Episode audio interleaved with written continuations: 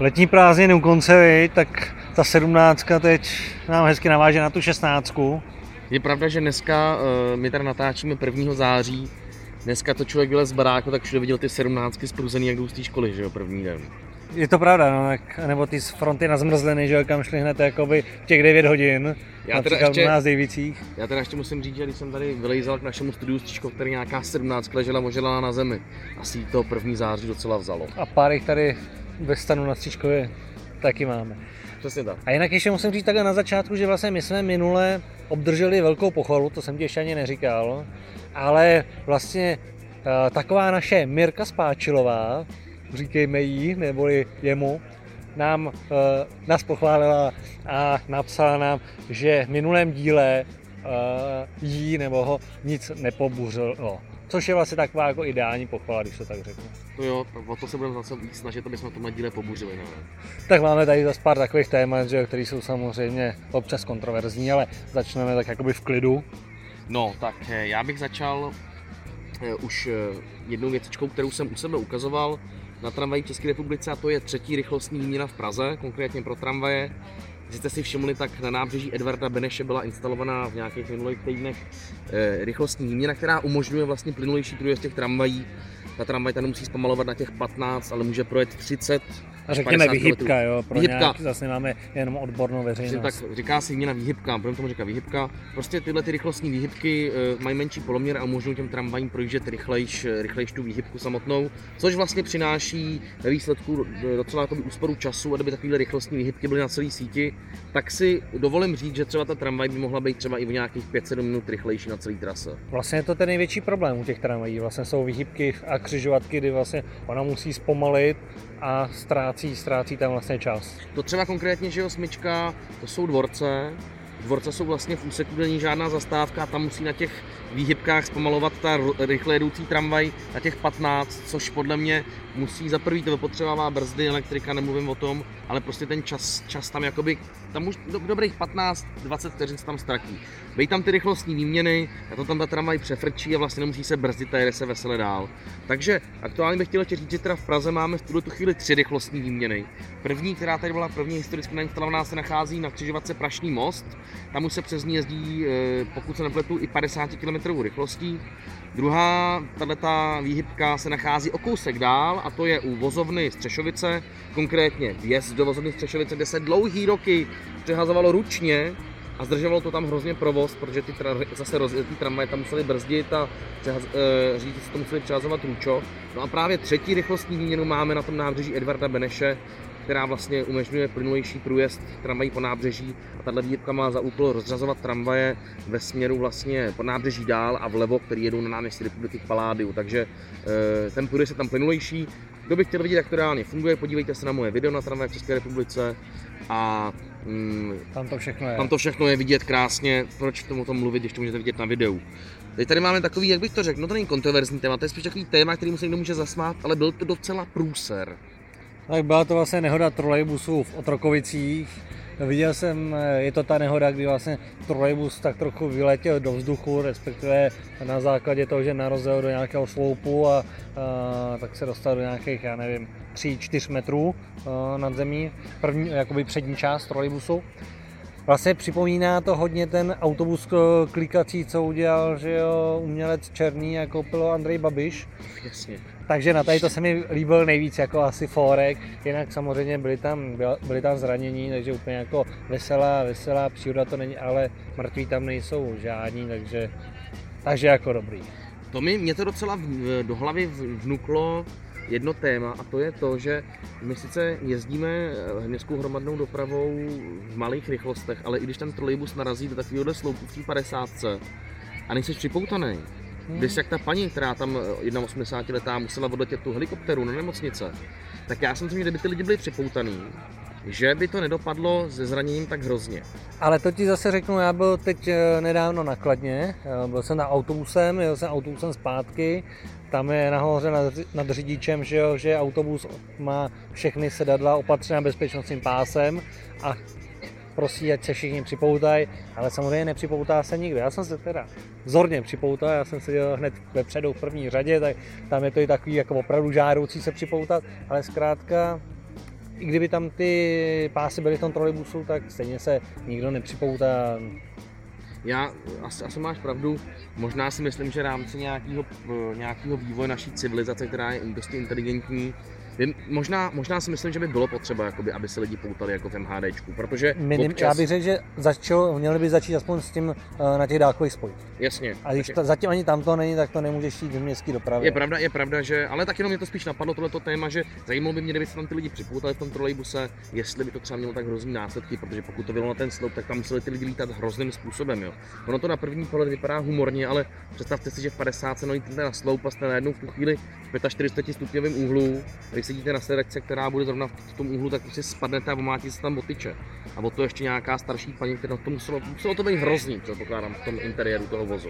No a zároveň ještě, co je teda hustý, dvě hodiny před touto nehodou se stala nehoda na Jindřichoradeckých městských drahách, kdy se na trati do Obrataně srazila hašiš bedna s TUčkem, s, tuč, s tučkem. Vlastně tady ta nehoda jakoby trochu jako je zastíněná tou trolejbusovou. Je, je, je zastíněná tou trolejbusovou. Já když protože... jsem to viděl, tak vlastně jsem si říkal, ty tak konečně to bouchli jakoby tu hašiš bednu No a vlastně trolejbus to pak zazdil, protože to vlastně pak byla jakoby ta hlavní věc uh, po celý den. Přesně, já bych se možná ani nedivil, že ten řidič skolaboval toho trolejbusu, když viděl to zničený tučko, že jo? Protože chudinka to bylo jedno z těch nejstarších, co na Jindřichoradeckých městských dráhách bylo snad v provozu. No a toto odneslo tím stylem, že kabina v čudu přední, zadní, tak do ní nalazil vagón, odnes to i pult a já si myslím, že tučko bude vyřazený, což předpokládám mnoha lidem jako zamrazí srdce, zároveň s tím, že to zlikvidovala hašiš bedna, který podle mě nic není. Jak na potvoru, podle mě tam bude jenom prasklá žárovka, když to má LED diody. Prostě to bude, bude to, je to, je to nehoda způsobená tím, že tam není nějaký zabezpečovací systém, lidi to tam svádí na vedení, který tam je pro nějaký problematický, já tomu nerozumím. Uvidíme. Ale ono je to vždycky zvláštní, jako tady ty nehody na těch jednokolejkách, kdy vlastně ty, ti strojvedoucí tam jezdí vlastně pravidelně, pořád, vědí, kdy co jede, to není nějaká náhoda a stejně se jim vždycky podaří vět proti sobě a mít nehodu, jo. To, je pravda, že na, tyhle, na, tý, na této dráze, kde fakt jako jezdí dva, jsou tam dvě linky a ten člověk by to měl mít jako fakt naučený, že tady se bude křižovat, že jo. Bůh ví, co zatím je, uh, nevím, ale teď půjdem Ondro na tvoje téma, o tom já nerad mluvím, mě to trošku možná trhá, trhá chlupy z, z mýho těla. Uh, linkový vedení Praha tramvaje změna. A co se ti na tom nelíbí, nebo co tě, no, to, co tě na tom tak trhá? No prostě mě to hrozně rozhořčuje, že třeba linka 14, která prostě od jak živa v mém srdci je z Barandova, nebo od jak živa, od té doby, co se nějak o to zajímám, tak jezdila z Barandova, jezdila do Kobylis, tak teď najednou jezdí, že přijde, že z Brna do Ostravy. Já vůbec potkávám, třeba jsem měl autem a potkal jsem jí vůbec, kde neměla být. Jo, že to člověka rozhodí, to chápu. Já jsem, když potkám šestku ve dvojici, tak taky tak jako spozorním, protože to nezvyklý, nezvyklý obrázek. Ale jinak jakoby ty změny, já jsem to i říkal do nějakých médií, že vlastně ve výsledku jako to dopadlo ještě dobře, že to není tak velká ta revoluce, jaká se vlastně plánovala, když chtěli změnit vlastně úplně všechno, tak vlastně nakonec se toho tolik nezměnilo. Já říkám, že se změnilo pár linek, právě 4, 5, 14, 15, 21, ale jinak to ve výsledku zůstává zhruba, zhruba všechno stejný. Zvláštní je tam hlavně to, že vlastně původně se měly dělat změny proto, aby se ušetřilo. To byl hlavní argument. A ty vlastně eh, se neušetří a změny budou stát o 100, 130 milionů eh, víc, což mě přijde jako celkem zajímavý, že jako dělají se změny, aby se ušetřilo a nakonec se z toho vyjde právě opak. 130 milionů za rok? Jo. Ale nějak si to obhájili, že vlastně, že je to vlastně takhle v pořádku, tak dobře.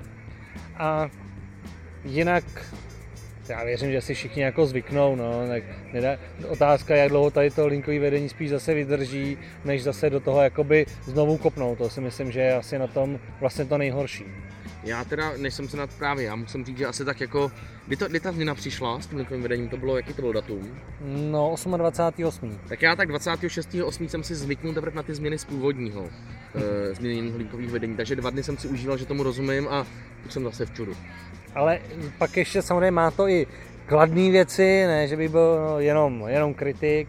Třeba bych pochválil Martina Schuberta, že jo, zástupce ředitele Ropidu, a to za jednu jednoduchou věc. Já ho potkal uh, právě, když vstupovaly v platnosti ty změny, tak jsem ho potkal vlastně 28. bylo v neděli, jestli se nemýlim. Jo, bylo to tak. A přesně tu neděli jsem Martina potkal, potkali jsme se v tramvaji, já ho zdravím a on už byl připravený, jak jde informovat eh, na zastávky eh, cestující.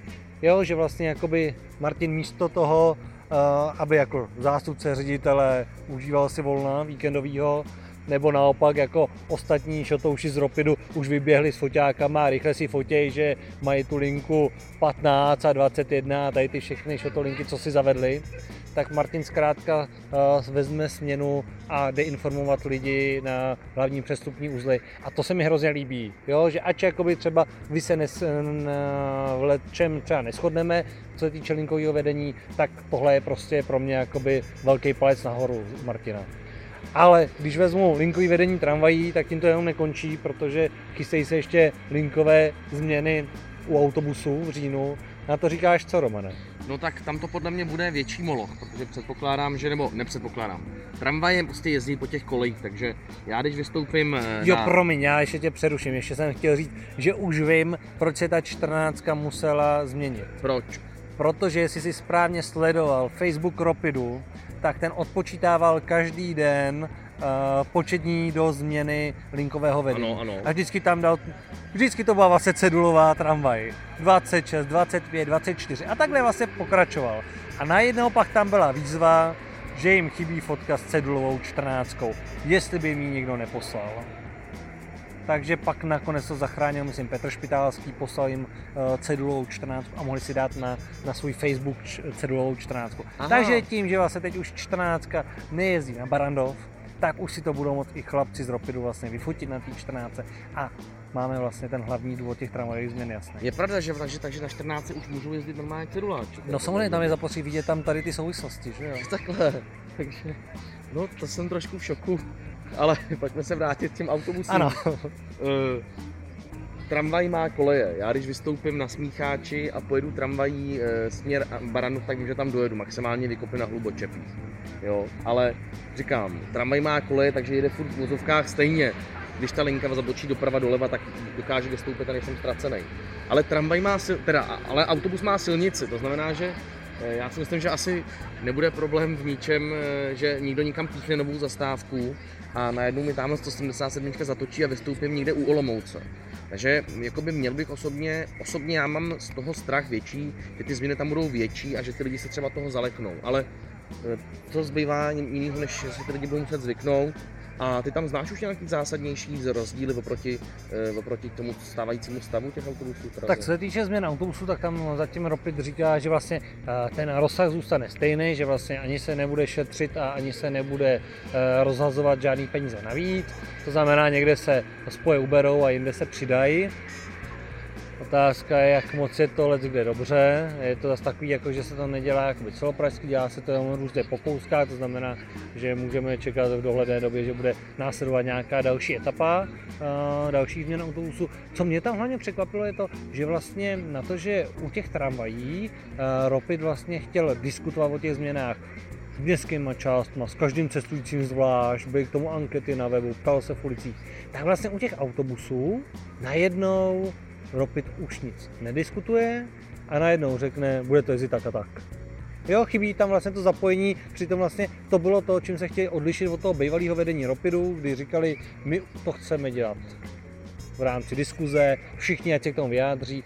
A najednou se jim to už taky nehodí a zjistili, že vlastně takhle to dělat nejde, což je samozřejmě logický a radši si to udělají po svým, respektive něco skonzultují s městskými částmi, ale už vlastně ta otevřená diskuze, která byla u tramvají, tak vlastně už se u autobusu eh, nekoná já tomu rozumím a jsem rád, že k tomu teda chlapci taky dospěli. Já v hloubce myšlenky přemýšlím nad tím, jestli uh, té měnění, měnění těch jakoby, uh, linek tramvajových autobusových, jestli to jakoby z tého pohledu třeba má nějaký smysl, jestli se to jakoby, jestli je to rámce vývoje nějaký doby, jestli lidi jakoby stěhují, měnějí, migruje to, že to by být jednou tamhle a tamhle, tak jestli to má smysl, nebo jestli by prostě fakt 50 let měli ty autobusy jezdit furt stejně. Co si o tom myslíš? No, u těch tramvají tam je to takový zvláštní, že jo? Tam na jednu stranu um, dříve se vlastně upravovaly i tramvaje podle toho, jak jezdí metro. To znamená, že tam, kde jezdí metro, tak se omezovaly tramvaje, A teď je to opačně, vlastně tam, kde jezdí metro, jak se posilují tramvaj, ať je to Karlín, Vysočany. Zkrátka je, v té trase dole jede metro kapacitní často, ale i přesto vlastně nahoře se posilují ty tramvaje. Myslím si, že je to leckdy zbytečný. Naopak na Petřiny tam teda je, je jediná trať, kde se uh, ubrala kapacita, tím, že je tam metro. A co se týče autobusů, tam to beru, tam samozřejmě je to často uděláno tím, že vlastně Praha se rozvíjí, staví se a nový, nový obytný celky vlastně jakoby si žádají kapacitní autobusovou dopravu, ať jsou to Letňany, Kbely, Satalice, Kie nebo uh, Horní Měcholupy, Hostivář, zkrátka všechny tady ty lokality, kde se opravdu jako v posledních letech staví, tak je zapotřebí tam tu dopravu, dopravu přivést. Problém je, že samozřejmě zaprvé Ropy tak trošku zase rozmrdal ty metrolinky, to znamená zavádí zase x linek, ví, aby zkrátka jezdilo se do všech směrů a byla tam ta přepravní nabídka, což se nejsem jistý, jestli je úplně správný. A zároveň, jak dělá ty solo, krátké autobusy, dlouhý autobusy, každý můj jiný interval, tak se jim to pak nebude dařit proložit. Teď je zkrátka normální, že třeba na sídliště podle toho nového bude jeden autobus jezdit v intervalu 6 minut a druhý autobus v intervalu 12 minut. To znamená, že není možný tyhle ty dva autobusy proložit tak, aby, aby jezdili vlastně na střídačku, protože vlastně u toho jednoho tam chybí ty spoje navíc. No, se stane, že přijdu prostě dva na zastávku v jednu chvíli. Uh, přesně tak, anebo uh, pojede v intervalu 3, 3, 6, 3. Jo, že vlastně to nebude, nebude to mít, ne, nebude, to mít. nemůže to mít vůbec proložený interval. No. To vlastně to samé je zvláštní u těch tramvají a u těch sol, kdy vlastně na Petřiny teď jezdí jednička a dvojka, jednička ve dvojici, dvojka solo, ale vlastně v intervalu po čtyřech minutách, že jo. Přitom bylo by logičtější, aby to, trochu to reagovalo na to, jak jde kapacitní ta tramvaj, že by vlastně ty rozestupy měly být trošku jiný, že jo. Měla by jet po ty jedničce dvojka dřív, když je, když je solo, a potom tam může být zase další interval na to, aby jela ta jednička v té dvojici. Zároveň vznikne to, že na Hračanský vlastně od, od nepaměti vždycky z Hračanský na Petřiny, že jo, jednička osmnáctka, obě dvě proložený, ale osmnáctka pravidelně spožděná z centra. Takže přijela osmnáctka, vzala celou Hračanskou a za ní hned přijela ta jednička, ta už nebrala téměř nikoho. OK, a teď přijede spožděná ta dvojka v tom sole, to nabere všechny ty lidi a pak přijede hned ta jednička, že jo, v té dvojici, která už nikoho nevezme. Takže jakoby úplně to pak nezapadá jim, no. Možná bych navrhoval v rámci těch mastodontů, který máme na té Hračanský, aby to, aby to tam psalo, že e, doporučuji lidem jet až za minutu, že tam bude souprava Možná bychom na to mohli v příštím změnovém eh, linkovém vedení vymyslet nějaký systém, že lidem bude hlásit, jak pojede kapacitní tramvaj a mohli bychom tomu přizpůsobit jako třeba maminky s kočárkama. No, to je věc, který se právě dělím. Vždycky maminkám s kočárkama nebo důchodcům, že místo, aby si počkali 4 minuty na další tramvaj, která pojede nízkopodlažní, tak se s těma berlema statečně sápou nahoru do toho SUčka. Nebo se statečně šá, sápou, že jo, do vany v zadních dveřích. Taky možnost. Jo, takže tak. Další téma, který e, tady je, já, mě už je z toho autobusu vyloženě blbě, jak jsem ti dneska řekl, Ondrou piva. Je to zelený 18-metrový Solaris s ostravskýma značkama kloubový. Solaris, eh, teď co to je? Teď Respektive generace. se značkama Moravskoslezského kraje. Takže tam je T nebo M? T, no to jsou Tataři, tomu říkám. Takže nechci tím akorát z Ostraváky na Tataři, že jo, klasika, znáte to, Bčko, Brňáci, Ačko, Pražáci. E, takže tenhle ten Solaris se prohání v posledních měsících všude. všude, to je všude. Já už ho mám vlastně plný zuby, projede Děčíně, někdo vyfotí Děčíně, v Ústí, vyfotí ho v Ústí. Ty vole, já nevím, je v servise, vyfotí ho v servise. Ale takhle najednou dneska si koukám na Facebook a najednou vidím, že fotku Solaris se přidává tady můj kolega Ondra a říkám si... To asi nebude z tábora. To, to, to nebude z Horní Cerekve, ale to je zvláštní. A najednou jsem si všiml, že ten Solaris jezdí na linkách dopravního podniku na 119 vlastně z Veleslavína na letiště, takže pro mě se stalo tím tím zajímavější, protože když jezdil těmi těch dopravců nějakých, tak mě to nezajímalo. A v tuto chvíli nám tady jezdí v Praze a bude tady Ondro do kolika? Do 12. září. Do 12. září. A je zvláštní teda, že vlastně ten Solaris tady jezdí tak jako v tichosti, jo? že vlastně Hrozný. Jako ne, je tady, ale jako je tady a není tady, jo? že vlastně uh, oproti vlastně Mercedesu, o kterým jakoby bylo velký halo a velký představení uh, za účasti novinářů, na webu, dopravní podnik o tom informoval, Ropit samozřejmě taky, že jo, protože to byla jejich akce vlastně. Protože vlastně Ropit ten může za všechno. Tak vlastně Solaris je tady tak jako v tichosti. Dneska tak jako potichu 1. Eh, září vlastně vyjel, jako aby se o tom nevědělo, dá se říct. Eh, na webu nikde nic. Je to zvláštní, jako jo, přitom to si myslím, že se není jako za co stydět. Je to pěkný kloubový autobus moderní, takže proč jakoby to nedat tu zprávu ven? Uh, co k tomu říct, já jenom, že jsem na to chtěl se podívat, mě ty Solarisy vždycky bavily tuplem tyhle ty a i, i tahle ta barva, prostě je to takový jako fakt hezký, to město to dělá, je to takový urban bus bych řekl, prostě fakt to tomu jako sedí. Proto se jmenuje Urbino, viď? Urbino, přesně. Ale prostě mi se ten autobus hrozně líbí. Ne, vypadá fakt pěkně, vypadá ale my jsme, pěkně, moderně. My jsme vlastně diskutovali, proč se nenasadil třeba na nějakou 177, ale ta 119 je vlastně hezká, tam, tam ty autobusy mají se tam vlastně točí, takže když se tam někdo chce přijet vyfotit, tak na ní narazí vlastně okamžitě. Má to prostě krátkou linku, e, ještě to udělá radost turistům, třeba co letí z letiště a vlastně je to takový místo, kde by se ani nemusela stát nějaká bůračka, jestli tam přijde To vlastně opravdu prezentační, to jakoby prezentační místo. místo. A vlastně i se to tak jakoby předtím prezentovalo, protože vlastně uh, město nebo dopravní podnik vždycky vlastně řeší jakoby furt ty autobusy na to letiště, že to jako není dobrý a chtějí ukázat, Eh, jak by se to dalo řešit, takže si myslím, že tohle je jedno, jedno s druhým. Přesně tak. No a zároveň k tomu novému Solarisu ještě taková smutná zpráva pro takzvaný analogový lidi, co nemají rádi digitální zařízení. V Brně dojezdili cedulový tramvaje. A to konkrétně se dojezdila, já jsem na ty evidenční čísla blbec. Ale to K2. Na to K2, taková ta bílá, dojezdila vlastně na nějakém půlkole linky 1 a vlastně v Brně se vlastně můžeme e, takhle jakoby k počátku nebo ke konci prázdnin e, rozloučit s cedulovými tramvajema. To znamená, že vlastně poslední cedulový tramvaj je tady v Praze, to jsou SUčka, taky máme v Mostě. Ještě teda ty dvě MK nebo tři. Přesně tak. S tím, že, s tím, že v Liberci nám vlastně taky dojezdily cedulačky. Tam vlastně skončili před létem. V Olomouci už je taky nemáme. V Ostravě taky nemáme. No, fakt nemáme, fakt ne. Olomouci, Olomouci vůbec, nej, já nevím. Olomouci už nejsou dlouho. Takže to znamená, že vlastně poslední cedulový tramvaje jezdí fakt už jenom v Praze a v Mostě. Že, v, že v Olomouci mají ty SUčka, Olomouci, v mají digitální mají, SUčka, ty... mají panely, přesně. Takže vlastně poslední cedulový tramvaje jezdí v Mostě a v Praze. A já si myslím, že Uh, jsem zvědavý, kdo předběhne dřív eh, to, že ty uh, cedule zmizejí, jestli dřív v Mostě nebo v Praze, protože v Praze se plánuje ukončení provozu SUček v nějakém počátku Příštím roku roce, 2017. No a v tom mostě teď dostali spoustu peněz na dotace na ty panely informační, takže tam se ty tramvaje taky hodně před, předělávají, eh, že jim vlastně mizejí ty plastové cedulky z toho spodní. A kolik jich teď tak mají už uh, s digitálním transparentem? Ale to já vůbec nejsem schopný A zase to nejde tak rychle. Ta, nejde to tak rychle, tam to ale, potrvá ale jakoby z fotek, z fotek tam těch tramvají nemají moc, ale z těch fotek, z těch fotek je vidět, že ty tramvaje tam přibývají rychlým tempem s tím informačním systémem, oni to snad používají z vyřazených karos, a já si myslím, že to bude takový jakoby možná i stejný období, kdy se v tom mostě a v té Praze s těma trudlovkama rozloučíme. Každopádně uh, Každopádně netěším je, se je, na to. Je, je to taky období vlastně pro nás hlavně, že vlastně jakoby člověk znal ty cedulový tramvaje, že jo, celý život a tak nějak vidí, jak vlastně ubejvají, až vlastně úplně, až úplně vymírají. Vtipný je, že vlastně tohleto v, v období té digitalizace těch informačních systémů začalo tak v půlce 90. let a vlastně teď máme, teď máme že to dlouho to vydrželo, dlouho to je to pravda, to je, to je pravda. Třeba konkrétně v Brně začaly první tramvaje snad v nějakém 97. používat informační systém digitální. No a teď se to tak jako chýlí ke konci, že to trvalo kolik? No 20 let, 20 let ten přechod.